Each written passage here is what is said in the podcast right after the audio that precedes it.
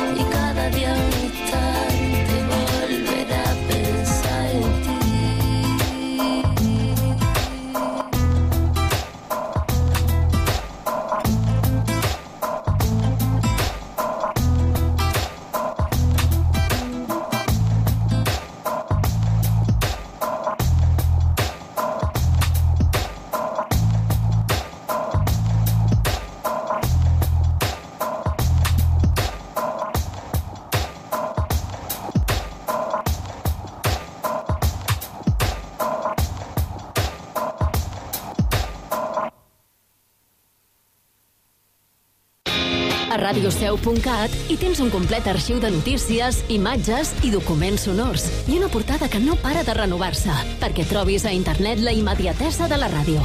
La pàgina web de Ràdio Seu, el referent informatiu local. Entra a radioseu.cat. Hem millorat per a tu. I recorda que també pots trobar les nostres notícies a les xarxes socials. Busca'ns al Facebook, Twitter i Instagram. Ràdio Seu, propera a tu, obert al món.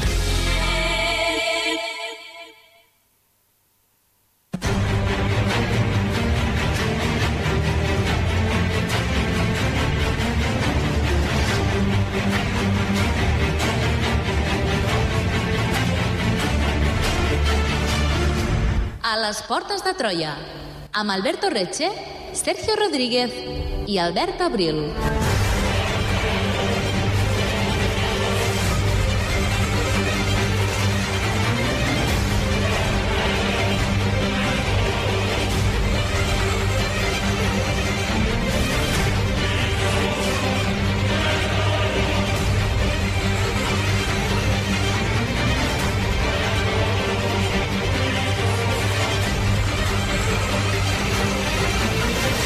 Les batalles famoses de la història suposen un abans i un després. No són escaramuses que formin part d'una campanya, ja que no serien famoses. N'hi ha d'altres, poques, que el seu resultat afecta un territori ampli i de forma significativa. La batalla d'Actium va decidir el destí no només de Roma i Egipte, representants en Octavi Cèsar, Cleopatra i Marc Antoni. També va decidir el destí de tot el Mediterrani, i és que les seves conseqüències van significar un canvi definitiu en la configuració de Roma, que es mantindria fins al final i que allargaria el seu apogeu i estabilitat alguns segles més. Benvinguts a la batalla d'Actium. Benvinguts a les portes de Troia.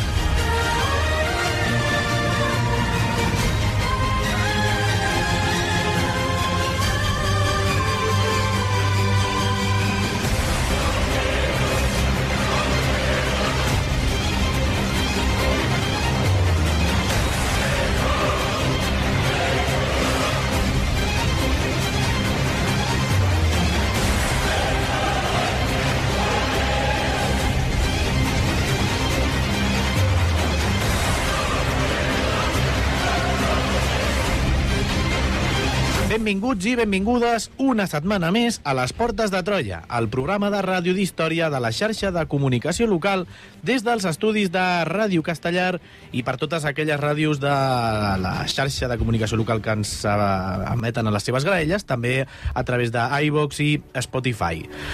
Aquesta setmana per parlar de la batalla d'Actium i ho tornem a fer amb aquest duo que s'està tornant una dupla atacant importantíssima a les portes de Troia, Adrià Hernando i Jorge Aro. Benvinguts. de Hola, nou. bones. Hola, muy buenas. ¿eh? Molt bé, pregunta inicial. No sé ben bé, no no em queda gaire clar qui l'ha de respondre, però la pregunta és la següent. Per què les conseqüències de la batalla d'Actium afectaran tot el Mediterrani? Pues básicamente porque a partir de la batalla de Actium es cuando se consolidará eso que a mí me gusta tan poquito de Roma, que es el imperio del cual os hablará Adrià, porque como todo el mundo sabe, yo soy de la República. No sabía que compartía mesa con un republicano. eh, bueno, ha dit el Jorge. Eh, la batalla d'Actium no podem entendre l'imperi la fundació de l'imperi per part d'Octavi. És.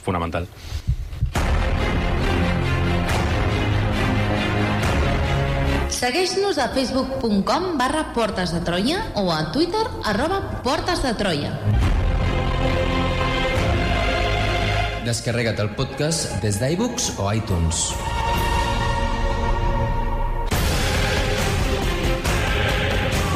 I descobreix tots els continguts del programa a la nostra pàgina web www.portesdetroia.cat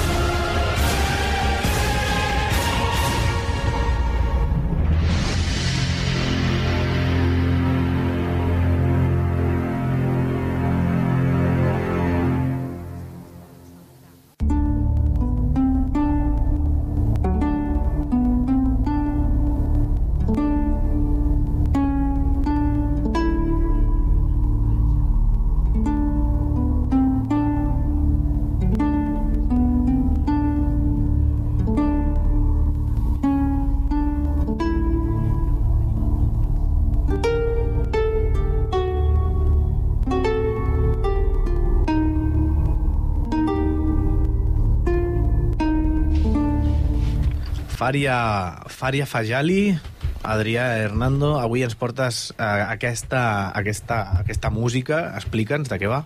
Eh, bé, la cançó es diu Gaius Octavius i està composada per Faria Fajali o Fajali. És un quebecà d'origen iraní. Aclaro el seu origen perquè el nom no ens sona gaire quebecà. És un músic i compositor que té un canal a YouTube dedicat a les músiques tradicionals del voltant de, del món de qualsevol cultura, ètnia o religió.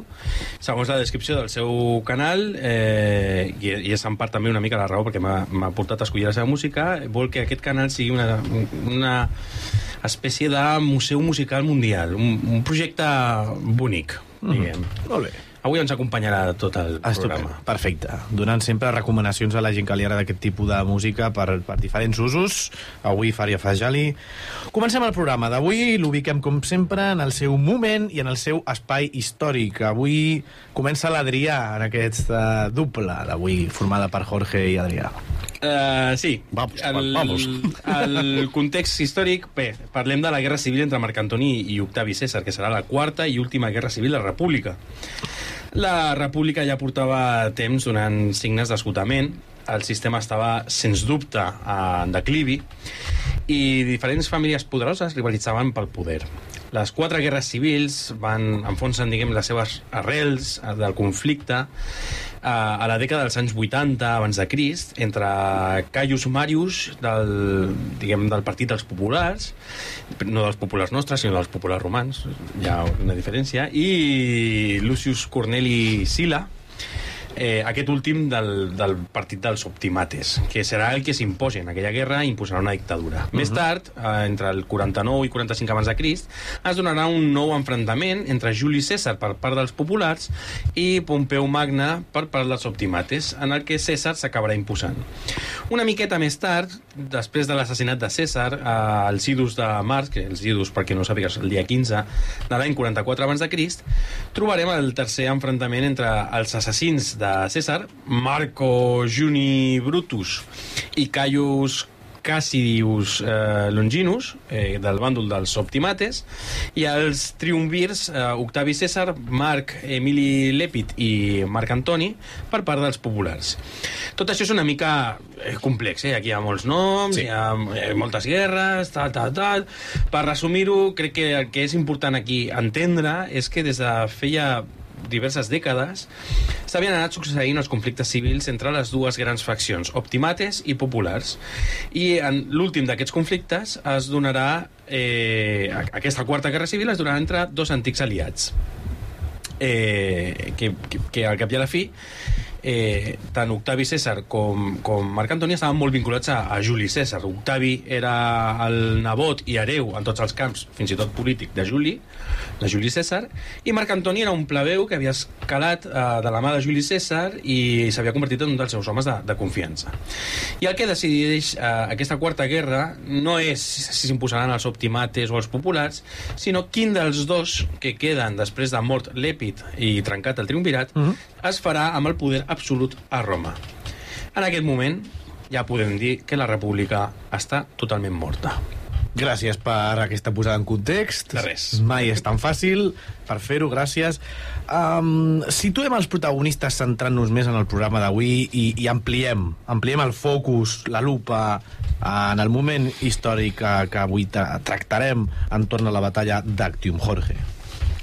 Bueno, la batalla de Actium se da en, el, en la entrada al Golfo de Ambracia, en el, en el noreste de Grecia, en el Mar Jónico, y es el colofón final del conflicto civil, el cual, la cuarta guerra civil eh, de la República Romana, que por un lado eh, enfrenta a um, Octavio César, que era el sobrino hijo adoptivo también y por tanto heredero de Julio César, seguidor de su política, contra Marco Antonio, que había sido uno de los hombres de, de máxima confianza de Julio César, más incluso que el propio Octavio, a pesar de no ser familia.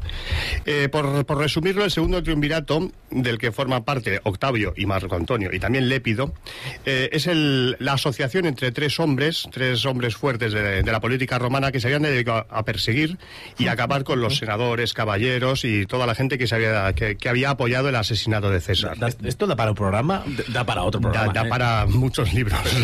y lo dejo aquí, ¿eh? eh hay que señalar que el, el, triunvirato es una asociación privada, es decir, no, no es una institución propia del derecho romano. Uh -huh. Es un acuerdo entre tres personas que políticamente son muy relevantes, pero, pero es un pacto de lo que llamaremos hoy en día un pacto de salón. Uh -huh. eh, ya en el año 40 antes de Cristo, los partidarios de Marco y Octavio ya estaban enfrentados y se tuvo que llegar a un acuerdo de paz por llamarlo así, en el en Brindisi, el actual Brindisi, Brundisium, donde hizo de, media, de, mediador mecenas.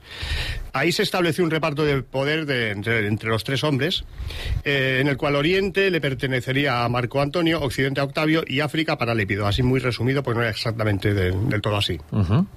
Y para acabar de estrechar la alianza, pues la Octavia, que era hermana de Octavio, la imaginación con los nombres era, era brutal, se, se, casa con Marco Antonio. Y a, a, partir de aquí los dos, eh, estos dos triunviros colaboran en la derrota de Sexto Pompeyo, que és el, el que queda de l'anterior de l'anterior guerra, digamos. Molt bé, i aquestes relacions que esteu eh, descrivint i que semblen fructificar amb aliances i de forma amistosa, aquesta, aquest equilibri durarà gaire? Tres anys. en el 37 abans de Cris les relacions ja comencen a, a deteriorar-se. Eh, Antonio, Antoni eh, marxa a Àsia i s'uneix a Cleopatra. Sol·licitarà ajuda contra els parts però Octavi incomplirà els acords al negar-se a enviar-li. Al 33 abans de Cris es produeix una ruptura ja oberta Uh, Marc Antoni opta per divorciar-se i trencar amb Roma, moment que Octavi aprofita per desvetllar el testament d'Antoni favorable a Cleopatra. El Senat privarà dels seus poders Antoni i declararà la guerra a Egipte. Octavi ho presentarà com un conflicte entre Orient i Occident i l'any 31 abans de Crist tots els exèrcits es trobaran a Grècia.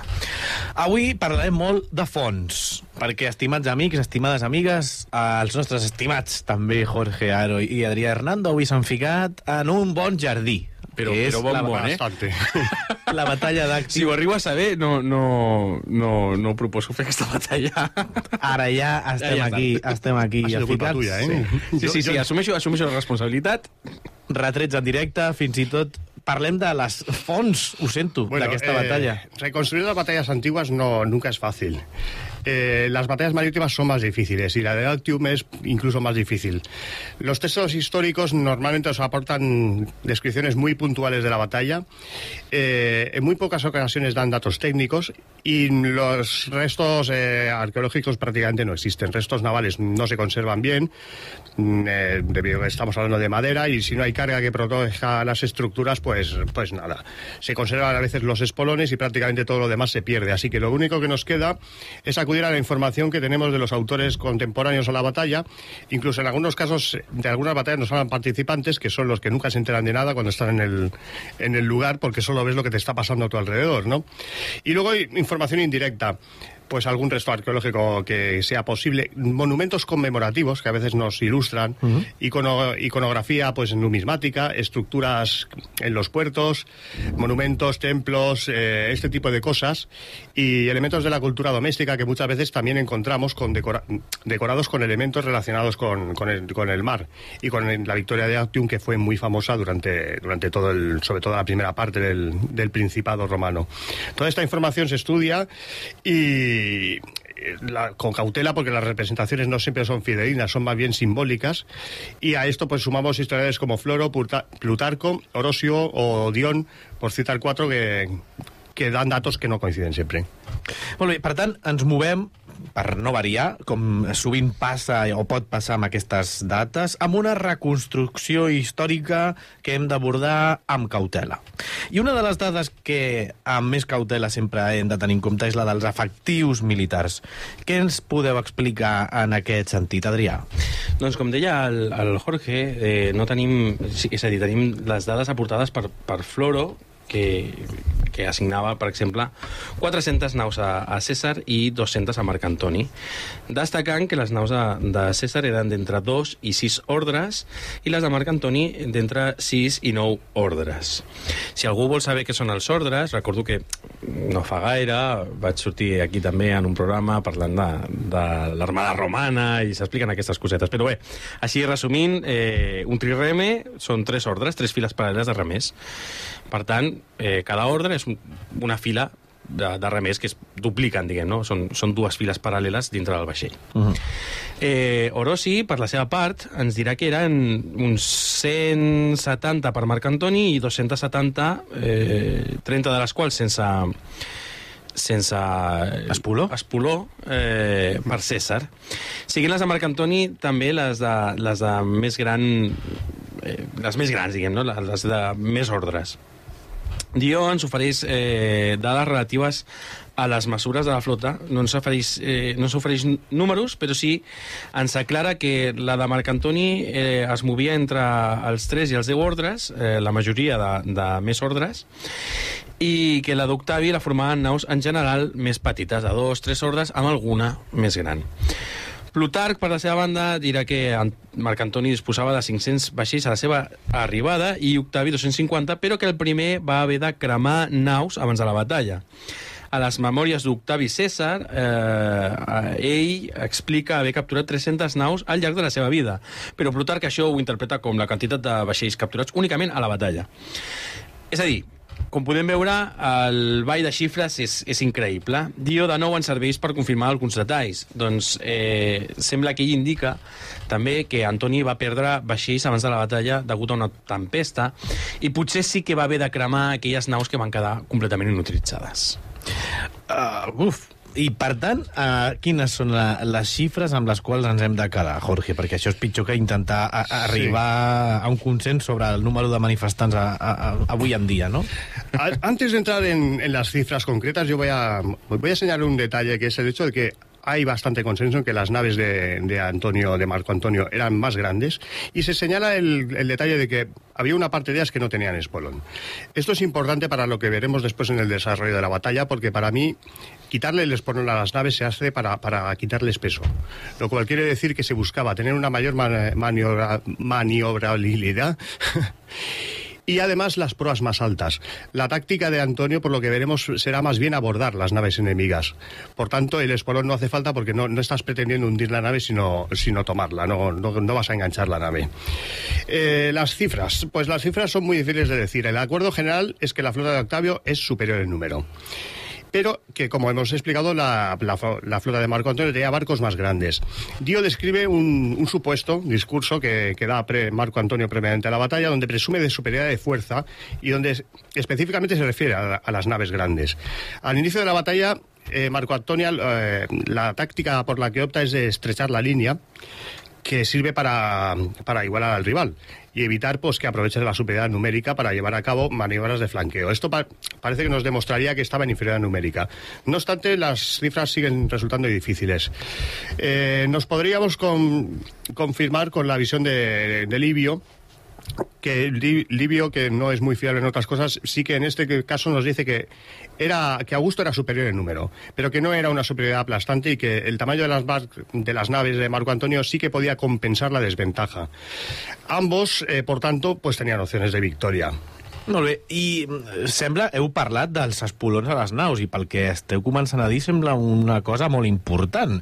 Uh, què eren els espolons? Quina funció tenien en una batalla naval? Bé, les naus normalment anaven equipades amb un espoló, que és com, com una punta de llança eh, que va al davant no? de, de la nau, a la, a la, a la proa. Eh, I les opcions el combat normalment es, es movien entre enfonsar les naus o capturar-les en abordatges. És a dir, en aquella època no hi havia gaire més, més opció. Eh, Floro, Orosi, Dió i Plutarc eh, tots afirmen la presència de torres i estructures sobre eh, construïdes altes que són útils per, per sobretot a la flota d'Antoni eh, per construir artilleria, per fer abordatges, etc. Eh, L'ús de projectils de foc i altres projectils no, igni, ig- no ignífugs eh, també era bastant freqüent ja a l'època i Actium no va ser una excepció. No obstant, eh, això és- ja és algo, una cosa que ha assenyalat al Jorge, no? el, el fet de treure l'espoló és una opció per tenir la, la nau més alta, no? eh, i que et permet també pues, doncs, portar aquesta artilleria, però no obstant eh, hem de pensar que les peces d'artilleria mm, requereixen costosos manteniments eh, perquè no totes les galeres disposaven de- d'aquestes. Eh, potser eh, per això resulta difícil trobar una iconografia avui dia a, a les monedes o etc que, que mostri aquests artefactes eh, a les naus. Y además, además son peligrosas de llevar. No solo, no solo es manevento. Meter una catapulta en un barco te la estás jugando mucho. Te puede volcar el barco.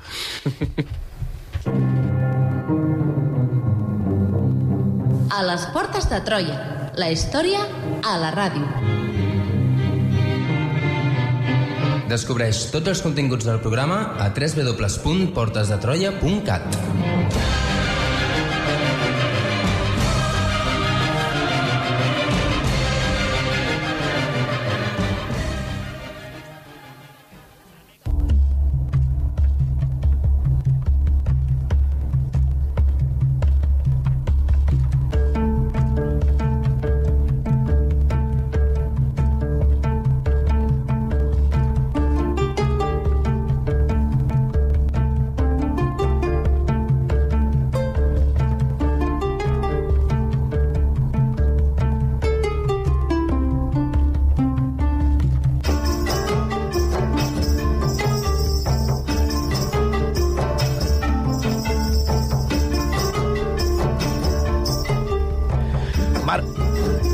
Cançó que estem escoltant, Marcus Antonius.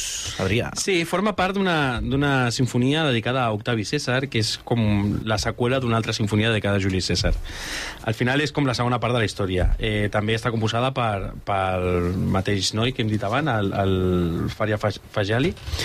Eh, i bé, la primera cançó de, que hem sentit avui, i de fet la, la última que sentirem avui també, totes formen part d'aquesta sinfonia. Jo la recomano molt, eh? Jo aquesta setmana he estat escoltant allà full, uh -huh. mentre treballava per relaxar-me i tal, i... Perfecte. Una, una bona peça. Bona recomanació, gràcies, Adrià. Abans de l'enfrontament principal, Jorge, com es va carregant l'ambient? Quines van ser les campanyes prèvies? Bueno, Marco Antonio llegó a Grecia occidental en otoño del 32 a.C. y ese verano, eh, el verano siguiente, Octavio cruza el Adriático sin oposición y avanzó hacia Actium. Que Marco Antonio no sea capaz de intentar hacer algo para oponerse a que, a que Octavio cruce el estrecho ya indica que la flota no debía estar en, en perfecto estado porque siempre habría sido más fácil intentar evitar que el enemigo desembarque a dejar que desembarque y atacarlo en tierra, ¿no? Cuando ya lo ha conseguido. Dio indica que desde el momento de, que desde ese momento la situación de Marco Antonio fue empeorando de forma paulatina y Plutarco pues también nos confirma algunos detalles. La flota de Octavio estaba bajo el mando de Agripa que junto con el contingente avanzado capturó Metone y Leucas y algunas Patra de Corinto, varias ciudades griegas. Marco Antonio entonces decidió moverse, a- moverse hacia el sur, hacia el sur de Actium, desde donde controlaba el acceso al, Golfo de Ambracia. Y ahí se, se da una ocupación lenta donde empieza a aparecer cierta escasez, escasez de suministros. Pel que sembla, Octavi Cèsar parteix amb cert avantatge. Eh, sí, mira, Octavi situarà la seva base a Micalitzi, on tindrà un bon accés a l'aigua i retindrà eh, l'accés al riu Louros i a les fonts de, de Nicòpolis. Marc Antoni tractarà de, de d'atacar una miqueta aquest subministrament durant l'estiu, enviant la seva cavalleria al voltant del golf eh, per atacar Octavi des d'aquest. De, des no obstant, eh, patirà una derrota, el que l'obligarà a retirar les seves tropes, amb les pertinents desercions com a conseqüència, incloent-hi un rei client de la zona. Eh, S'ha d'assenyalar que eh, el, els dos caps, diguem, eh, tanquen el, el golf. Eh, Antoni controlava el, el, el del sud i Octavi el del nord. Uh -huh. I el canal eh, d'entrada té menys de 1.500 metres de- de- d'ample. D'aquest- D'aquesta manera, cap dels dos bàndols podia entrar o sortir amb seguretat del golf per fer-ho servir com, com un refugi. Jo crec que, que es podien saludar, no? Probablemente. Es podien veure... ¿Qué, qué está haciendo Octavio? No, está tomando el té y tal. No sé. I hi ha gaire diferència, en realitat, entre la situació de Marc Antoni i la d'Octavi Cèsar? Hay consenso en que la situación de Marco Antonio era peor que la de Octavio, pero mm, la diferencia tampoco era tan grande. Los asaltos que, había estado realizando Agripa eran asaltos pensados para causar pequeñas disrupciones, en, sobre todo a corto plazo, en, los suministros y a provocar que Marco Antonio perdiera algunos apoyos. Señalamos que Agripa es uno de los generales de, de Octavio, claro, por si alguien no lo sabe. Eh, llegado el momento, Agripa se reunió de nuevo con el resto de la flota. Octavio entonces ya estaba en una posición más cómoda, pero el problema es que tampoco podía alargar mucho más la presencia allí. No, no hubiera podido aguantar un invierno. Hay que señalar que si un ejército ya tiene unas necesidades an- grandes, eh, una flota es todavía más. En aquellos tiempos la flota se movía a remos, son cientos de remeros, miles y miles de remeros que había que alimentar y dar, y dar agua, en fin, un- una pesadilla. Las tropas terrestres eh, estaban bastante equilibradas. El ejército de Octavio era probablemente de más calidad. Estamos hablando de legiones romanas, ambos eran tropas muy parecidas. Los de Octavio tenían más moral porque venían de, de ganar, pero em, al principio eh, podemos contar con que el ejército de Marco Antonio tenía la ventaja de estar posicionado a la defensiva y de que tenía y podía encontrar más aliados en Grecia, especialmente en Macedonia. I mm, quins seran els pròxims moviments militars i qui està al capdavant de les tropes? Ja hem parlat d'Agripa per una banda, però parlem de més noms propis. Eh, doncs, mira, els clàssics tampoc aclaren al 100% qui estava al càrrec eh, de, cada, de cada flanc de, de l'exèrcit. No? Plutarc, per exemple, diu que el flanc dret el va deixar eh, el, el, el, man, el mando el, el, sota el comandament de Publícola, Coelios a l'esquerra, Marc Octavi i Marc Instelló al centre, eh, per part de, tot, tots aquests per part de, de Marc Antoni. Octavi, per la seva banda, deixaria eh, la dreta per Agripa, que és el seu millor general, l'esquerra per ell, i el centre per Arrunti. Eh, Beletius, no obstant, diu que Arruti estava a l'esquerra. Eh, Luri diu que eh, diu que Luri estava a la dreta i que Agripa tenia el comandament general de la flota. Eh, que sembla, per mi personalment em sembla més lògic que, que Agripa tingués el comandament general no? per aprofitar el, geni militar que tenia aquest home. Uh, a terra sembla ser que Canidi comandava les tropes d'Antoni i Taruades de César. Bé, en realitat és una mica caòtic. I aquí eh, jo crec que els, nom, els noms més importants són Octavi, Marc Antoni, Cleopatra i Agripa que és, que és diguem, el, el gran general d'Octavi. Eh, la flota d'Antoni es va desplegar a l'estret, extendint-se de nord a sud, amb l'objectiu de lluitar prop de la terra, de manera que les naus d'Octavi no poguessin eh, bordejar-la i, i bordejar la seva fi, el final de la seva línia i flanquejar. Eh, buscava imitar els grecs a la batalla de Salamina, però Octavi i Agripa eh, també coneixien la batalla de Salamina i, uh -huh. i, i Agripa no... Agripa no se la cuelas, uh -huh. em sap greu, però és així. Aquell home va néixer per la guerra i, i en fi, així que eh, tant Octavi i, i els seus generals van, van decidir no, no oferir batalla eh, i bé, el vent no va, no va bufar fins a migdia i és possible que Antoni estigués esperant en aquell moment per avançar i assegurar-se una possible fugida a vela si la situació uh -huh. no pintava gaire bé. Molt bé, i, i desplegades les tropes i tot llest per la batalla, eh, per la batalla Jorge, com, comen com comença tot?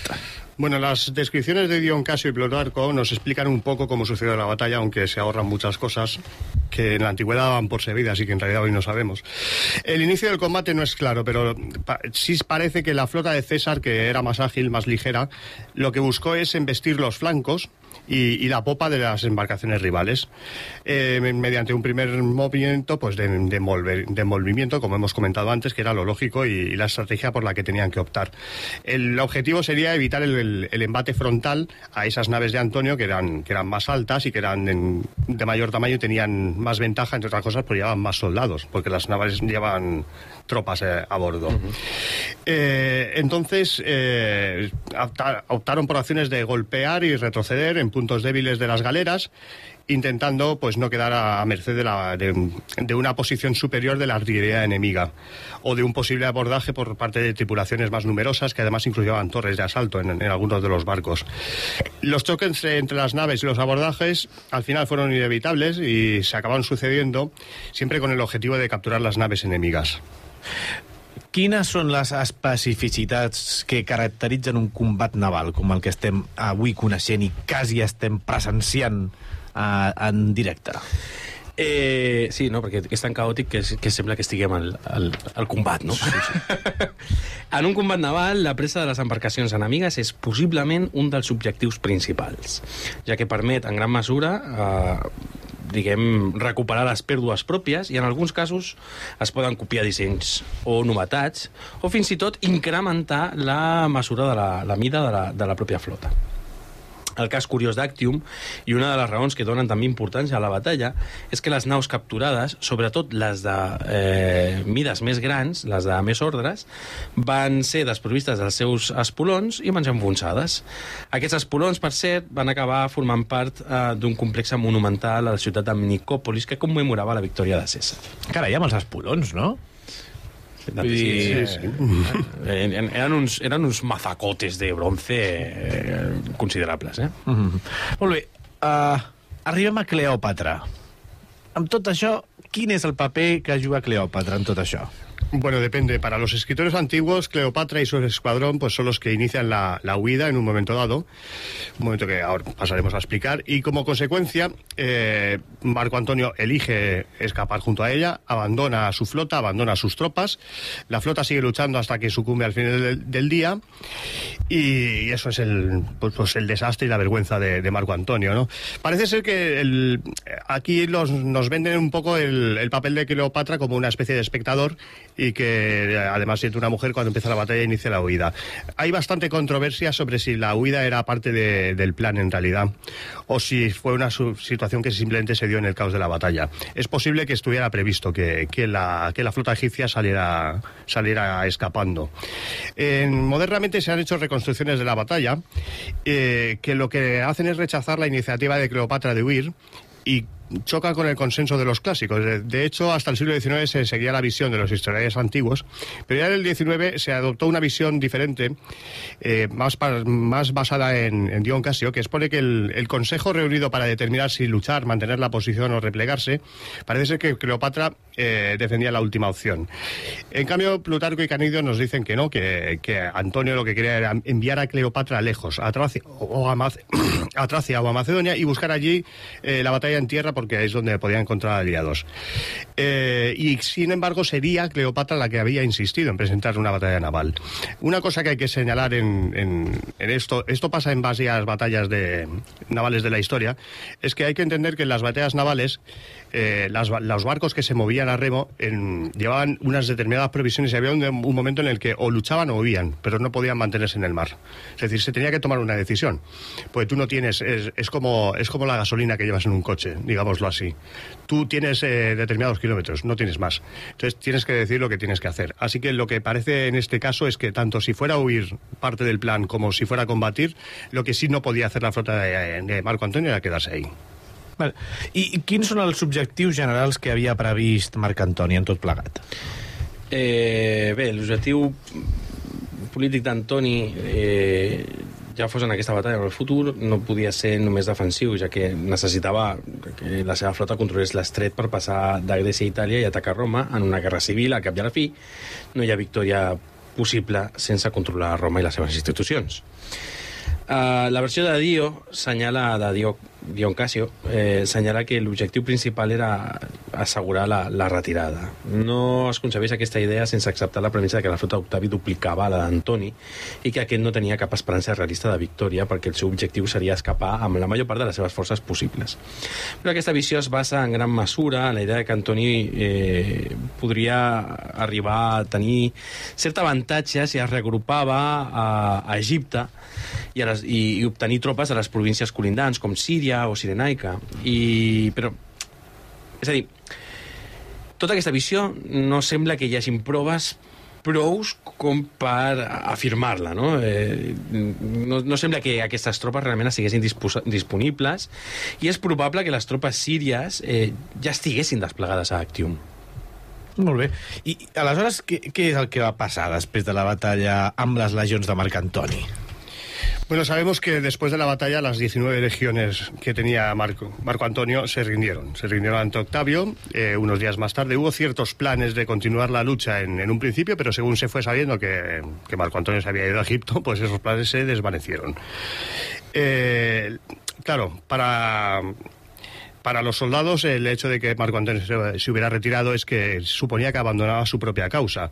Entonces estamos hablando de soldados profesionales, esos soldados que ya son no son los, los viejos soldados de- del ejército manipular de la República, sino gente que tiene sobre todo un una lealtad muy importante a quien las manda y, a quien les paga. En este caso, pues si- si este personaje, como es Marco Antonio, desaparece, la lealtad se termina. Y además, eh, la rendición es más que una rendición, es una negociación en que, bueno, en unas condiciones bastante positivas, pues básicamente las, las legiones se cambian de mando y se pueden pasar a, a Octavio sin ningún miedo a ninguna represalia, con lo cual eh, el cambio de bando masivo por parte de los antiguos rivales eh, significa que es una catástrofe para Marco Antonio porque pierde, no solo pierde el ejército, sino que refuerza ya definitivamente a su rival. I, i pel que fa a les xifres... Bueno, eh, hemos visto que las cifras más realistas y el acuerdo mayor en las fuentes clásicas es que la, la flota de Octavio era superior, pero que no lo suficiente como para que el, mayor tamaño de las naves de Antonio compensara esa ven- desventaja. Y Plutarco añade también que, de todas formas la, situación de Marco Antonio sería comparable a la que tenía Julio César en Dyrrachium en el 48 a.C. y que probablemente lo que quisiera Antonio es eh, emular la batalla de Farsalia pero en el mar buscando de este modo una, una victoria en una situación de desventaja. De hecho, la intencionalidad de luchar en el estrecho también sugiere que Marco Antonio sí tenía intenciones de ganar la batalla, porque intentaba evitar tácticas habituales como el Jacob Push, que supone pues, romper a través de la línea enemiga, y quizá tenía en mente la posibilidad de huir si la cosa se ponía, se ponía mal, pero co- co- solo como una especie de, de precaución. Sin embargo, parece que es más probable que sus intenciones fueran las de realmente ganar la, la batalla. Las, las fuentes señalan que fue Cleopatra y su vida lo que determinó el, el desecho de la flota de Marco Antonio. A les portes de Troia. Descobreix la teva història.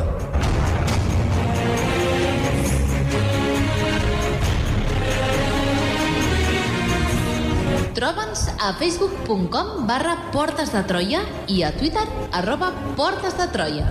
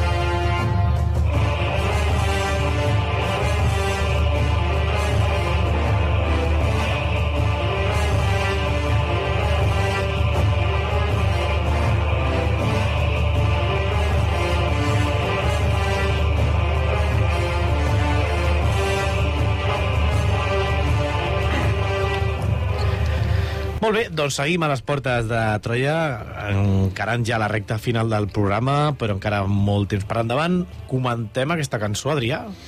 Eh, sí, aquesta cançó es diu Civil War, Guerra Civil, i forma part de la mateixa sinfonia composada per Faria Fajali. Uh, L'objectiu, segons escriu en el, en el seu vídeo de YouTube, és narrar la història de la- l'èxit, diguem, de, de, de Caius Octavi eh, mitjançant una sinfonia llarga. I, I ja ho he dit abans, val molt la pena escoltar res si a algú li agrada aquest tipus de música. Eh, la sinfonia, per si la voleu buscar, es diu Augustus. Eh, ell ho escriu en comptes amb U, amb B baixa, mm. perquè en llatí la B baixa i la U és la mateixa lletra, i la podeu trobar al seu canal de, de YouTube. Molt bé, doncs eh, incidim de nou en aquesta gran recomanació del nostre company Adrià.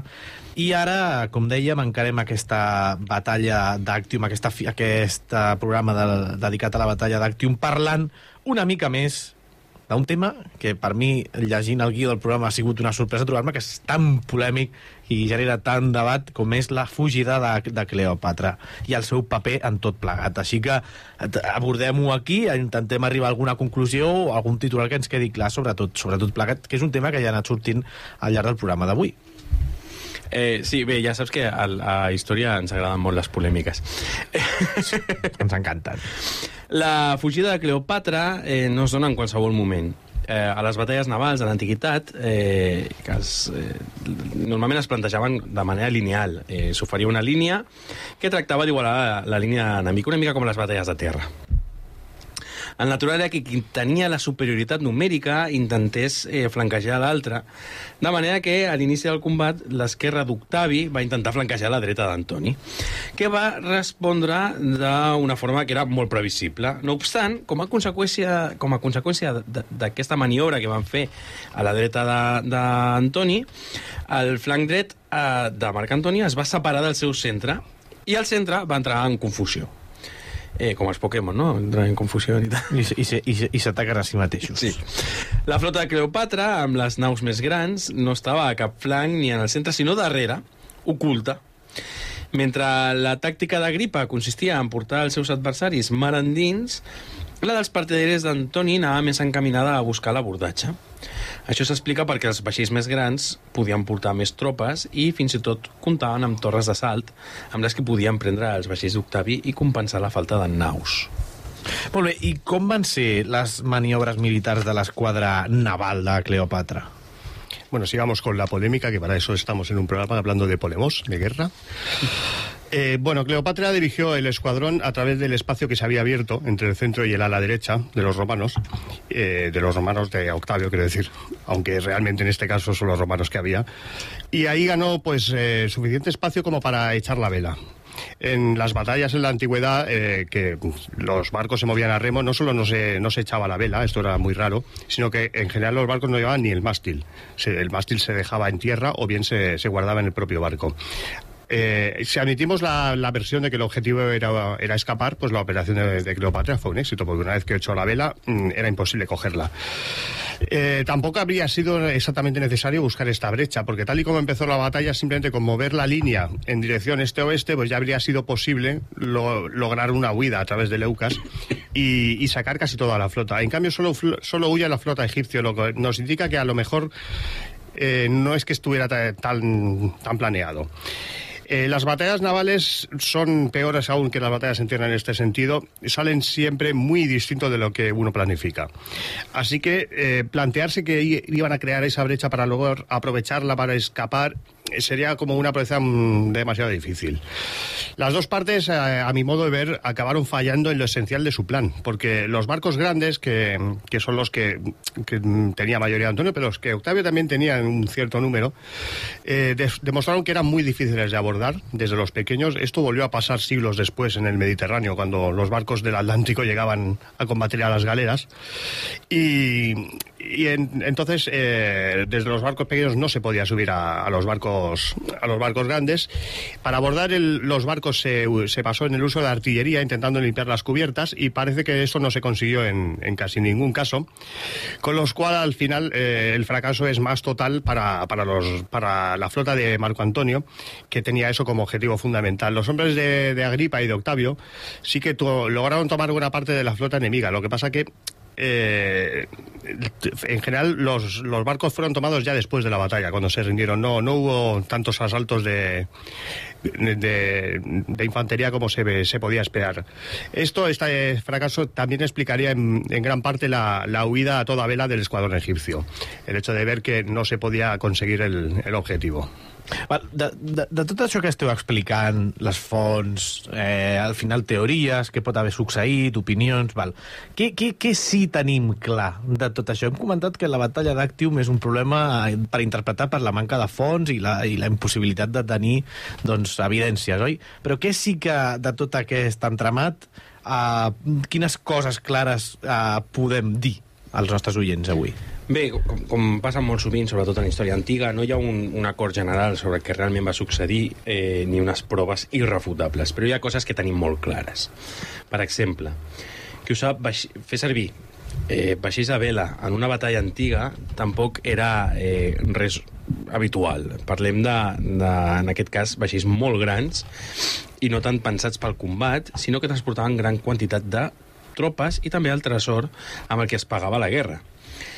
Té certa lògica pensar que la pèrdua d'ambes coses, diguem, no? El, els vaixells i el tresor, en una batalla marítica resultava un perill excessiu per Cleopatra. Uh -huh. Perdre la seva flota, que era la flota d'Egipte, perdre els diners. La fugida de Cleopatra es presenta per totes les fonts clàssiques com eh, com que sorgeix d'ella mateixa, no? En, en, entenent, per, per mi, entenent ella com el seu estat major, perquè segurament no va ser una decisió presa sense un previ anàlisi i un debat. Algunes fonts descriuen el pànic, però això penso que és una mica difícil de demostrar. A més que eh, pànic en una batalla jo crec que és, que és com no? eh, habitual. Uh -huh. És probable que, que hi hagués aquest pànic i sobretot confusió generalitzada que va donar a entendre que la batalla s'estava perdent i això permetria entendre eh, molt millor aquesta acció, no? Eh, si la batalla s'està perdent, no? pues fugim. Uh -huh. No obstant, també podem considerar i comprendre que Cleopatra pogués decidir posar els interessos d'Egipte primer i eh, decidir salvar la seva flota en un moment en què les, eh, la situació semblava i anar regular, tirant a malament. Una vegada iniciada la fugida, eh, comença el moment crucial. Marc Antoni ha de decidir entre Cleopatra i els seus homes. I escull Cleopatra. I aquesta decisió, que sembla que és impulsiva, serà la guinda que determinarà el resultat de la batalla. Després de la fugida, l'enfrontament va seguir i va portar 10 hores fins que la resistència de la flota d'Antoni va caure i van decidir donar-se per vençuts. Les evidències permeten una reconstrucció molt limitada de la batalla, però hi ha aquests punts que podem acceptar com, com, com veritats, eh, com la intencionalitat d'obtenir una victòria per part de tots els bàndols i que el motiu de la desfeta de Marc Antoni, eh, encara que no podem saber eh, certament què va portar a Cleopatra a fugir, va ser aquesta fugida, no? I, i, i sobretot la fugida que, posterior de, de Marc Antoni. I també tenim clara doncs, aquesta superioritat eh, numèrica d'Octavi al davant d'una flota amb vaixells més grans per part d'Antoni. Eh, la fugida va fer que la batalla terrestre no, no s'arribés a materialitzar. Molt bé, com hem dit a l'inici, les conseqüències de la batalla d'Actium són de, de més pes del que sembla. Parlem una mica de les, xif de les xifres ara en primer lloc, Jorge. Bueno, las, las cifras de bajas mm, son siempre también muy bailarinas. Y en este caso parece que fue un combate de gran envergadura, pero eh, aunque las, implicaciones posteriores son enormes, no parece que hubo tantas bajas. Plutarco habla de unos 5.000 muertos y 300 barcos capturados. Es decir, el número de barcos capturados sí es muy alto, pero en realidad hay muy pocos muertos, debe haber muy pocos barcos hundidos, eh, porque cuando se hundía un barco en una de estas batallas, simplemente la cantidad de remeros que llevaba hacía subir las cifras a, a, a una barbaridad, ¿no? Orosio habla de 12.000 muertos, son más. también de 6.000 heridos, eh, de los cuales también una parte, unos 1.000, según él, acabarían muriendo. Y bueno, estas son un poco las, las cifras que se nos dan. Yo, para mí, la cifra más, más importante es la de, la de barcos capturados. Uh -huh. uh, hem fet una pregunta a l'inici del, del programa on parlava de la rellevància que tenia pel Mediterrani Actium i per la inflexió, i com a punt d'inflexió a Roma. Ara que hem vist tot plegat, ara que hem repassat aquesta batalla i com va passar, o sabem o intuïm el que va passar, mmm, torno a fer la pregunta. Quina rellevància té en tot plegat, ara que sabem tot això, i si podem aprofundir una miqueta més per, per dimensionar aquesta, aquest enfrontament a Actium? Bé, eh, Actium va ser un, un punt d'inflexió clar en el devenir polític històric de Roma no? El, eh, i del Mediterrani. Eh, Roma ja era una gran potència que dominava gran part del Mediterrani i tot el que passés a Roma afectava tot el Mediterrani. Va ser també la pèrdua d'independència d'Egipte, definitivament, a conseqüència d'Actium. Eh, no Actium en si, sinó com a conseqüència d'aquesta derrota, Egipte es convertirà en província en, en molt poc temps i començarà el, el període anomenat imperi, no? El, el Octavi farà una sèrie de reformes, convertirà Roma en una espècie de monarquia eh, pero que no es una monarquía. Creo que això el Jorge Sí. pot explicar una mica millor. Institucionalmente Roma fue siempre una república, nunca, se, nunca hubo un cambio de régimen, por decirlo así. La, la figura del emperador era simplemente un título que se le daba, pero seguía existiendo el Senado y todas las instituciones propias de la república. Esto es así hasta el final del imperio. Sí, no obstant, eh, tots sabem que hi havia un- una persona que era la que manava amb un poder pràcticament absolut, que era l'emperador, i que eh, aquest càrrec d'alguna manera era hereditari. No, no hi havia una línia de consanguinitat com a les monarquies que estem acostumats a, a sentir, però sí que es donava en herència. També Actium, eh, he de dir, eh, que és un punt d'inflexió en la manera d'entendre la guerra naval. És a dir, no, no només parlem de conseqüències polítiques eh, i socials, sinó també eh, a nivell tàctic. Des d'Actium, les supergaleres, aquestes tan grans, desapareixen i s'imposarà eh, la política de birremes i triremes que són ja el nivell màxim de maniobrabilitat i, i mesura, és a dir, van a, a la practicidad. También hay que pensar una cosa, que es que a partir de este momento las batallas navales en el Mediterráneo eh, empiezan a terminarse por ausencia de rival. Eh, porque salvo Mitrídates y la piratería en algún momento, eh, Roma ya no, no tiene nunca una amenaza, no hay un Cartago, no hay griegos, no hay nadie que te pueda hacer una flota comparable a la romana y habría que ver si, si las cosas hubieran sido distintas, si ese, esas supergaleras y esa, esa tendencia a hacer barcos más grandes, proas más altas, al mayor uso de la artillería, si se hubiera consolidado o no.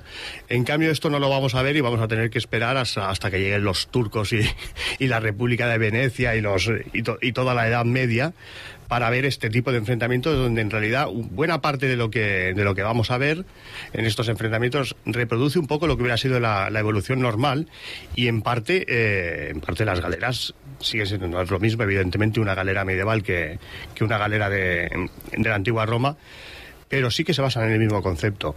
Y s- sería muy interesante saber qué, qué hubiera pasado y qué tipo de barcos hubieran tenido las grandes potencias marítimas en el Mediterráneo si durante esos años de, de paz romana, digámoslo así, hubiera seguido habiendo guerra. Mm. Abans heu parlat d'estructures que estan a sobre dels vaixells. Uh, potser és una imatge que no és tan habitual i sí que estaria bé si la poguéssiu aprofundir perquè... Jo crec que ens podem imaginar com una espècie de fortificació de fusta sobre... Clar, és com una mena de castell flotant, no? Sí, castillo, de hecho se, se llaman así los... Castillo de los popa. ca- castillo de popa, castillo de proa. De las- proa. Pues yo que sé, por ejemplo, las- la primera flota que, que que tiene Castilla, que hace unos barcos de estilo copiado al normando, tienen, ya tienen eso que se llama castillos, porque imita un castillo, se hace de una forma cuadrada y sirve pues para asaltar al enemigo. Ahí siempre la ventaja es la altura. La altura te- es la que te da la, la ventaja de poder asaltar al, al rival y luego la cantidad de tropas que puedes llevar. De ahí viene también eh, la idea de, de lo de lo, quitar los espolones.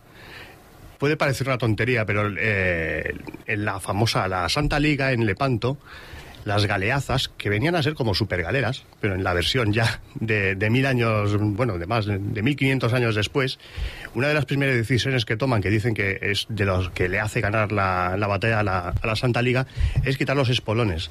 Eran, tenían unos espolones muy pesados, porque las galeazas eran barcos realmente muy pesados, y las quitan simplemente porque ya en ese tiempo han adoptado artillería de, artillería de proa. Tienen artillería que les permite disparar a mayor distancia si la prueba está, está más levantada. Y deciden utilizar esa ventaja contra los turcos en lugar de utilizar los, los espolones. Es una decisión táctica que toman, los turcos toman la contraria y bueno, vete tú a saber I, si... El resultat està aquí, no? Ja, ja sabem com va acabar, no? Sí, bueno, vete tú a saber si fue por azar o no, pero lo cierto es que el, el combate empezó con, con, un, con un cañonazo de una de esas galeazas que, que hundió un barco turco, es decir, la primera en la frente, ¿no? O sea, esto también es un golpe moral. Eh, de fet, això que deies de, de l'alçada dels vaixells és, és una cosa que es pot veure eh, molt... Eh, em sembla que hi ha un documental a Netflix sobre... Bueno, és una mica flipat, però de, del setge de Constantinople. Eh, quan arriben els venecians amb les, amb les seves caravel·les i tal, Sí, i, sí. i els intenten abordar les, les galeres otomanes, són incapaces de vèncer una flota molt petita. Sí. Perquè és que no poden arribar. Hi ha tanta alçada fins a arribar a la, a la borda enemiga que pels altres és com lluitar des d'un castell i, i només han de defensar la seva posició i, i al final acaben imposant-se els venecians amb una flota molt més petita només perquè els seus vaixells són més alts. Sí, sí, esto pasó varias veces, incluyendo una que pasó una muy parecida en, en Japón. Los japoneses, desde que vieron llegar los barcos portugueses y, y españoles, sobre todo portugueses a Japón, no sabían hacer barcos de, ese nivel y querían apoderarse de uno. Entonces hubo varios intentos de quedarse un barco como fuese y, hay una batalla muy famosa en la que empiezan barcos japoneses pequeñitos a intentar asaltar un galeón portugués uno detrás de otro, los barcos no lo consiguen, luchan durante varios días y, y finalmente los portugueses pues eh, eh, acabaron por volar el barco y, y nunca lo tomaron los, los japoneses, a pesar de que incluso ellos, mm, quiero decir, no eran tontos, se les ocurrió la idea de meter ellos su propia torre de asalto subirla a, un- a unos barcos japoneses para intentar to- tomar el, el barco. Sin embargo, la, la proa alta era, era imbatible. Un hombre ahí arriba con, con, un, con cualquier proyectil de artillería pues era capaz de parar todo, a toda la otra tripulación enemiga. Eh, tot això canviarà quan es generalitzin els vaixells en proa alta i arribi l'artilleria en massa, no? aquells vaixells típics que coneixem de l'edat moderna, amb grans bateries als costats. Un barco de línea. Va- Vaixells bucs, bucs de línia, que tenen també artilleria a la proa i a la popa per, per res, respondre ràpidament i tal. Allà ja canvia totalment la, la guerra naval. Molt bé, doncs no només ha sigut un programa, ja acabem aquí a les portes de Troia d'avui, no només ha sigut un programa d'història antiga, també ha sigut un programa d'història naval, que al final ha arribat fins gairebé als nostres temps. Moltíssimes gràcies, Jorge Aro, per aquest programa doble de nou amb, amb l'Adrià. Gracias a vosotros. Eh, moltíssimes gràcies, Adrià Hernando. Ha estat un plaer, com sempre. A l'Adrià tirado, tirado al control tècnic, qui us parla Sergio Rodríguez, i nosaltres, com sempre, us esperem amb un nou programa la pròxima setmana de les Portes de Troia.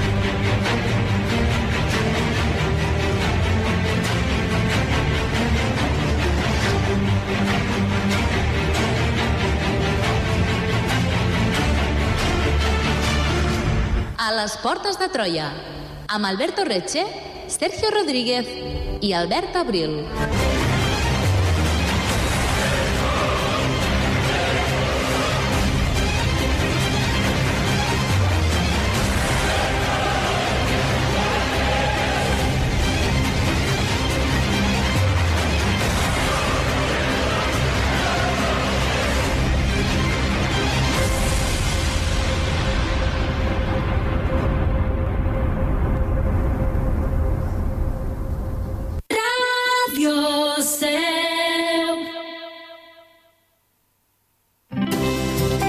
Escolta Ràdio Seu on i quan vulguis.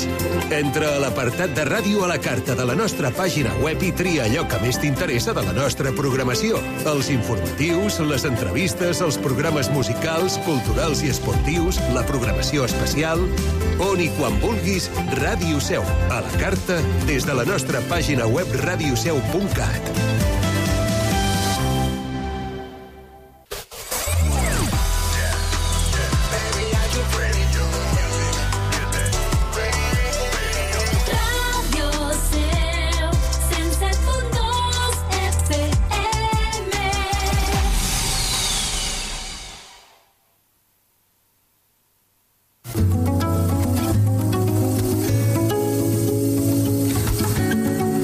fins aquí la programació pròpia de Ràdio Seu. Connectem amb Catalunya Ràdio.